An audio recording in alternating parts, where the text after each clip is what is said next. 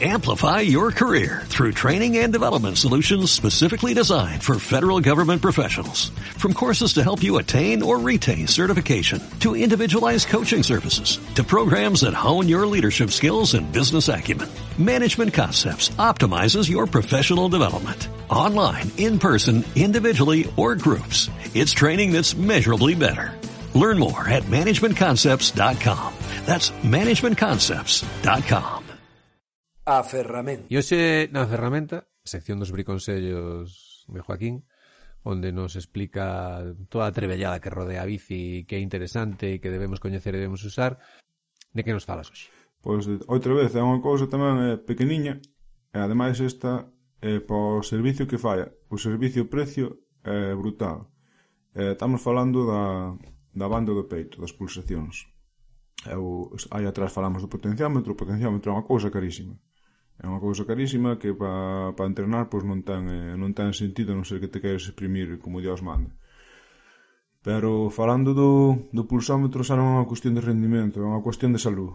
A min eh, este ano eh, fun a facer unha revisión médica porque non me, non me topaba lá moi católico contra o final do verán. Eh, non sei se era unha infección que collera ou algo, pero no medio das pruebas detectaronme unha pequena, unha pequena arritmia no corazón. Entón, bueno, pois un preocúpase, non? E o primeiro que fixen foi eh, falar co entrenador, con, con Xavier, e dixen, oi, mira, que pasou isto, enseñei o electrocardiograma e todo o rollo, e, home, eu como me controlo todo, teño os datos do corazón de ano e medio, ou máis ou menos, aproximadamente, tal, Estuvamos mirando, e cadraban perfectamente os esfuerzos con como estaba funcionando o meu corazón, e, home, sigo tendo ves para o cardiólogo porque tú tens que mirar, pero vas máis tranquilo. Ben, e, e bueno, e aparte de eso, tamén... Eh algo que comentábamos con Román tamén no programa anterior, tamén moi interesante, que decías, non sexas animal e ten cuidado co, cando estás facendo esforzos moi grandes, especialmente cando estás subindo un porto e, e estás fora do teu umbral, estás xa no tema que un esforzo que non deberías facer, especialmente cando tedes certa idade, como pode ser o meu caso, que aí hai que saber cando parar, ou cando afrouxar, por unha cuestión de, de, de saúde que non te pegue un, un patatús. E aí o amigo pulsómetro está para iso. Si, sí, home, mas sin tanto, eu sabes, eu teño 35 anos e estou eh, esperando que me vese o cardiólogo, eso uh, eh, pode pasar a calquera. E, ademais, a parte de saberes cando tens que parar, e unha vez levas recollido un enche de datos, sabes eh, en que zona vas incómodo, en que zona vas cómodo. E tens que procurar ir non máis cómodo posible. A non ser que tienes que facer un esforzo criminal e perdes unha roda e non sei que, te volvas loco e tienes que ganar a toda María Santísima. Pero de normal, de se sales seis veces á semana, se sales cinco veces á semana, que polo menos máis da mitad sean nunha zona no que o teu corazón vaya contento e vaya alegre, como cantaba a canción esa, que tengo el corazón contento, porque vaya ben, é que non vaya, é que non vaya reventado. Como Marisol na bicicleta. Efectivamente. E mira, é unha simplemente unha cousa a ti, eh, sabes que algúns dos smartwatch ou, ou dos GPS de, de pulso que hai, estilo reloxo, nin que inclúen o pulsómetro. Ti sabes que tipo de resultado dan ese tipo de, de trebellada? Eh, co pulsómetro de, de muñeca andei bastante tempo que corría antes de, de facer ciclismo. Eh, incluso para correr é máis recomendable ter a banda no peito, porque a banda do peito vai sempre pegada e eh, non se che move tanto. Sin embargo, a man é, é un apéndice, o pulso o pulso móvese moito máis, vai despejado, e aparte pasa unha cousa que non contas, ti no pul, eh, o pulsómetro vai sempre ao aire de todo, e a banda do peito vai algo tapadiña, entonces eh, ao darlle o aire mide peor as pulsacións. Así que eu recomendo banda do peito, pero o presupuesto é mínimo, é, son menos de 50 euros. Pode conseguir por menos de 50 euros. De feito, eu, eh, bueno, isto, isto tamén é un consello para a xente, limpade ben eh, o que o cacharro, ainda non tanto, pero que a banda, limpade ben, porque eu acabo de roer unha co sudor por ser un desgraciado. Por chegar eh, por chegar de entrenar, zapatear a banda ali como se, dixo, va, salen para mañán cando a colla, así, ao final entrene cinco ou seis veces a semana, que a banda che do sudor, eso vai secando, e eso caeron meus botóns, caeron, caeron meus crochetes, onde, onde tal, despejaronse, me estou en vergonza contalo pola radio, pero se me, así que me pase a min, é que vos sirva a vos, limpade, e se a vos non vos pasa. O sea, non é que a tuvera que a cotra espesa, pero vamos, eh, limpaba limpo máis o mountain bike do que limpaba eso.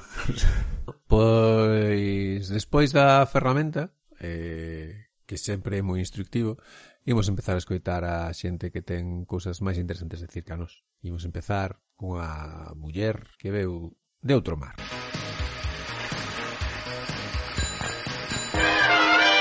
O viaxiño. Eh, no viaxiño, última sección de hoxe, Eh, imos enfocalo, como nos gusta a nos, a min e Joaquín, que ciclistas somos todos. Xa vimos a xente que pedalea máis ou menos horas, pero xe vamos a ver unha persoa que, eh, que fixe unha viaxe en bici e que non ten unha relación tampouco moi profunda co mundo das dúas rodas. Estamos falando eh, con Fernando Fojo, que é unha banda de Ferrol, inda que agora anda pola Costa da Morte, se si non me equivoco, bueno, non? lado da Coruña. Estou en, en Arteixo. Alá eh, da Coruña. Cerca bueno, do Portiño. Ferrol, Ferrol ou Tás Aldea, porque aquí os interesanos moito. Eh... Non, a ver, nacer, nacín en Ferrol. Uh, que pasa? Que creo que os dous anos ou así, eh, a miña nai era mestra e, e traballaba nunha escola unitaria en nunha aldea en Folgoso. Entón pasei ah, ali, ah. non sei, ata os... Que guai. Non, non me acordo, ata que morreu Franco, máis ou menos. Ata... Unha tarde. Eh, debería de ter oito anos cando volvín para Ferrol, ou así. Ou nove. Eh, es un exemplar, es un exemplar raro, es ao revés, es un urbanista que marchou para a aldea e non é un da aldea que entrou para o que é a ciudad. Eh, tú está ben sí, tamén, eh? é curioso. Bueno, Fer, entón, pregunta importante para contextualizar sempre. Cal é a túa relación ca bici? co, como de usuario de bicicleta podemos decir sí, que é? Sí, nula prácticamente. É un medio de transporte, o que sei, a última vez... Bueno, ben, claro. Que fixen, a última vez que andei un rato en bici foi cando fun a Berlín, que claro, todo o mundo vai en bici. Hai un mercadillo, bueno, ali pillei unha bici por como iba a estar 15 días, pois creo que comprei unha bici por 30 euros e a vendín por 20 cando marchei, non sei. É outro mundo eso, eh? Fer fixo unha das viaxes máis míticas que hai a nivel de, de turismo en bicicleta en Europa, que é a Ruta do Danubio, que é unha Eurovelo e que está moi ben sinalizada e que, se si non me equivoco, digamos que especialmente dende Nacemento ata Viena, ten o carril bici aos dous lados do río eh, perfectamente sinalizado e con, sí, sí. con apenas coches, non? Sí, sí, sí. Vale, entón, como te embarcaches ti nesa aventura? Unha persona que en principio eh... a bici Non ten relación enfermiza como temos outros. Nada, pois tres amigos que estaban facendo un máster en, en Barcelona daquela eh, pois dixeron que no verán iban a facer eso eh, e apuntei, non? apuntouse a miña irmá tamén e, e a miña moza. Entón, home, eles sí que eran máis de bici, eh, de feito, eles levaron a bici desde aquí tiñen unhas bicis de montaña e tal. Ah. Eso, eso, eso, eso interesa claro. o tema da logística, porque especialmente, por exemplo, eh, cando buscas información sobre a viaxe que fixeches ti, hai un debate sobre que compensa se eh, levar a bici con todo Cristo que montaran avión, embalaxe e todo iso, ou se facer o que fixeches ti, ben comprala, ben alugala ti coa experiencia que viches os teus compañeros e viches o que fixeches ti, que pensas que é máis cómodo? Compreinas nun, non sei, será unha chatarrería, un sitio de bicis de segunda man. Non, intentamos regatear, porque claro, non parecía, vale, o tipo xa parecía máis de por aquí a cousa. Non quero dicir, non era un sitio tan pulcro como como os outros e dicemos, pois vamos probar, a ver. E nada, o tío facía suma, o sea, Non me acordo os cartos que eran, pero serán 100 máis 50 máis 50, que son 200, ti decías 180, el decía que va, que va, fíxeno ben. Suma exactamente 200, mira, tal. E que eran, eran bicis de paseo? Eh, de coti era de carreiras, eh, a miña moza era de paseo, e como andaba moi mal, era destas que non ten barra, o sea, de, non sei, de chica ou de como mm. son. E a miña era unha de alemán, grande e alta e con un Era un barco con dúas rodas. Non levaba un manillar moi raro, así que dá unha volta inteira. Que os tipos, claro, os tipos están moi acostumbrados, os ves aí no manillar enredados, que van así e tal. O sea, era unha cousa extrañísima no manillar. Pero... E, e, e o freno Así, os frenos da miña eran hidráulicos, que logo cando cheguei aquí intentei amañalos, eh, non sei que me decía todo o mundo, en plan, puf, puf, isto é un rollo. Sabe? A bici trusechela de volta. Sí, porque logo en pasado, en estrao, e non me acordo, comprei unha furgoneta. Pero ti, ti viaxes se vas cunha tarjeta de crédito e con moitas ganas eh, o sea, vas collendo as cousas onde che vai falta ao mellor salistes da casa cunha toalla ou así Mira, e cantos kilómetros facías o día? Aprox, aproximadamente A ver, pois é que logo fixemos dous equipos, porque claro, había o equipo pro e o equipo os outros igual, eu que sei cantos facían, pues igual facían 40 ou 50 ou 60 ou 80, mm. nos parecería, o, o día que máis facíamos serían 40, non papa. Aí vai a ritmo baixo, tomo unha cerveza, sigo andando. Tan pros non eran que se foran pros tapábamos o vento aos demais e facíades máis quilómetros vos. bueno, bueno. Como de romería é eh, a, o Eurovelo? Decir, porque din que hai moita xente. Bueno, vos pisistelo hai anos. Estaba moi cheo de xente ou non? Non, non, non. Porque creo que na actualidade sí que xa di que hai, din que hai moita xente facendo a viaxe. E a nivel de comunicación... Bueno, pues pola parte de, fixeches Alemania e Austria ou, ou por sí, Alemania, Austria, logo está Eslovaquia, Bueno, en Eslovaquia xa paramos, logo creo que íbamos para Hungría, que ao final íbamos a Budapest un festival que hai de música. Ajá. En Bratislava creo que ata os pros se cansaron e xa metimos as todas as bicis da furgoneta. De Bratislava fomos a Budapest porque queríamos ir ao festival, o Sigfet, este, eh, que é un festival así moi grande que hai na isla que hai no medio, Pasa que logo despois, como tiñamos a, a furgoneta, fomos para Serbia e para Bosnia. Pero eso xa non foi co bici. Canto tempo botastes fora da casa? Non sei, non me acordo. Ano e medio? Non, un mes e medio, dos meses, non sei. Que chulada. Mm. Pero, o sea, a bicicleta foi moi boa, eh? O sea, o viaxe en bicicleta é un ritmo distinto. Sí, mola moito, eh? Pero foi parte das vacacións grandes, eso non? O sea, foi unha parte de bici dentro de, de todo o que fixastes? Ponlle 20 días. O follón foi que cando chegamos a Bratislava, que está é o seguinte a Austria. Creo que é onde íbamos ar de copas, pero non sei. Sabimos vimos que non chegábamos ao festival, o sea, o ritmo que íbamos coas bicicletas.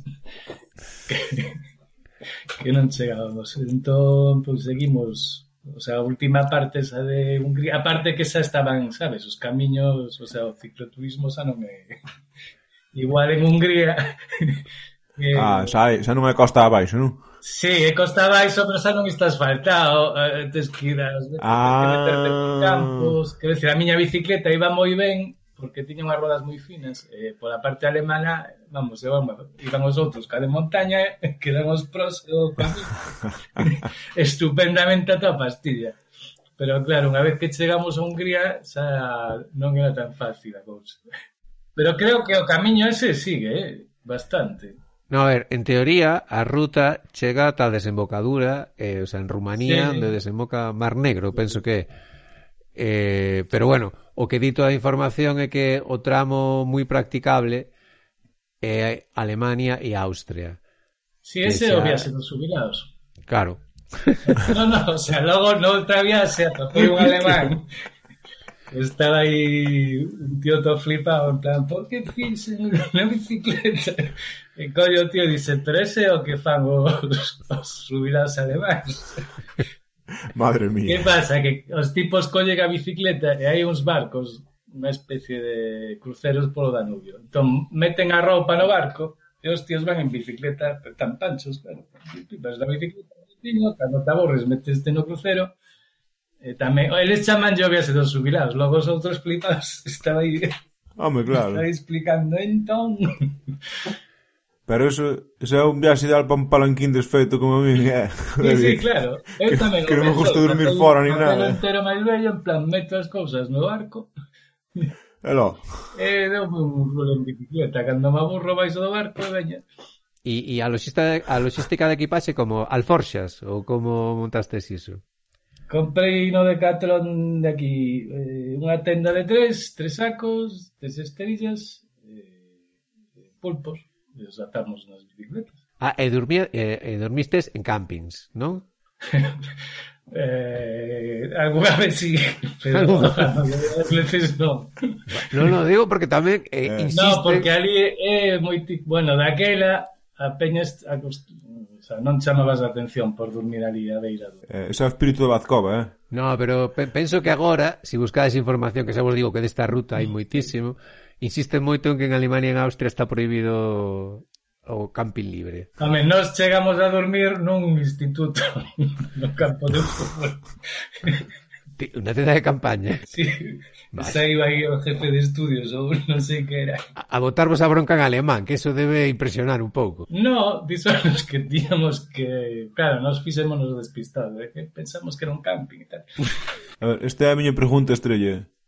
Alguén falaba alemán de vos ou foi todo mímica e berrar ah, no, moito? Os alemáns falan inglés demasiado ben, non se entendes, claro, do ben que falan.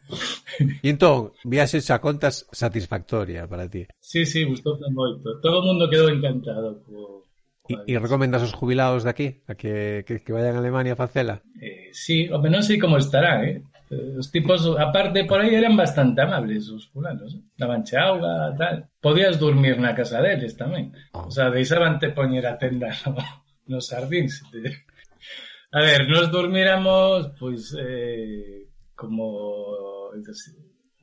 Pois no instituto ese creo que foi en pasado. Lo, no outro sitio dormimos nunha especie de ermita no campiño que tiña fora. Habéis dormido nun cementerio? dormíamos en campos de millo, o sea, podíamos dormir onde queríamos, pero sería daquela, claro. Non sei claro. agora.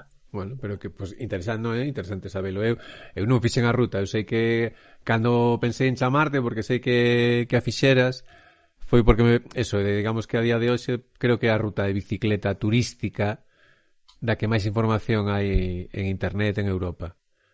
Non facer sí, unha viaxe. Sí. Que está moi ben indicado todo, eh? Mm. mm. E o que diste un desnivel permanente cara abaixo. Ame, hai algún sitio. De feito, logo falabas co, coa peña e do sitio ese que era impronunciable.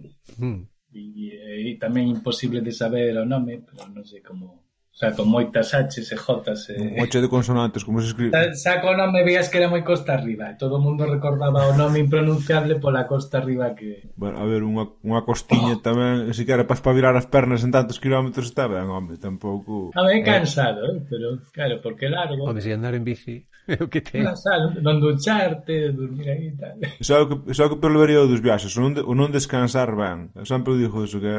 E además, ti, claro, ti rematáchelo con un festival ao final, o sea, vamos, eh, foi unha, unha gran vuelta físicamente falando. Bueno, e para ir rematando, algún consello para alguén que parecido ti, decir, que non sexa un usuario hardcore da bicicleta que vaya a facer unha viaxe ou simplemente que se relaxen e disfruten? Non sei, que siga un río costa baixo.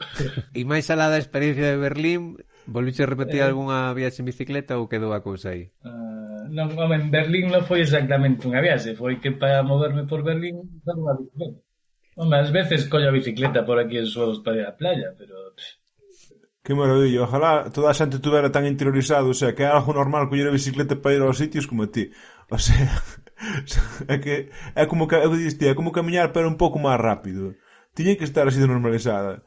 Así podía haber chatarrerías con bicicletas 60 euros tamén por aquí, joder, que eso, eso é un Pero a canto están as bicicletas de segunda man aquí, logo. Non as hai novas por 100 euros. Eh, non.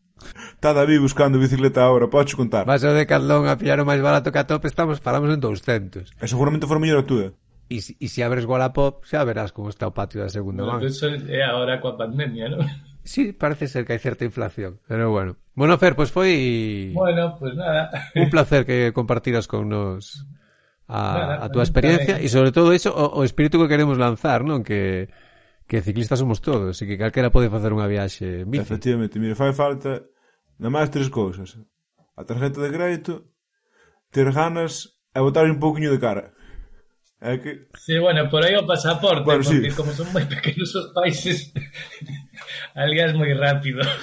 Que se estás aí coa bicicleta, igual pillas un tren e meteste en Bosnia en dúas horas. E vas a ver algo raro. Recorres media Europa sin querer. Bueno, Fer, pues moitísimas gracias por compartir isto con, con nós. Si alguna vez volves a ir de viaxe en bici, contanos. Por favor. Moi ben, pues encantado. Veña, saudiño.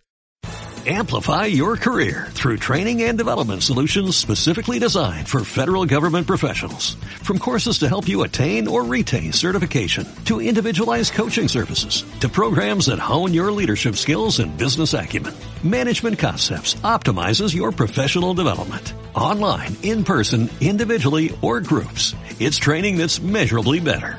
Learn more at managementconcepts.com. That's managementconcepts.com.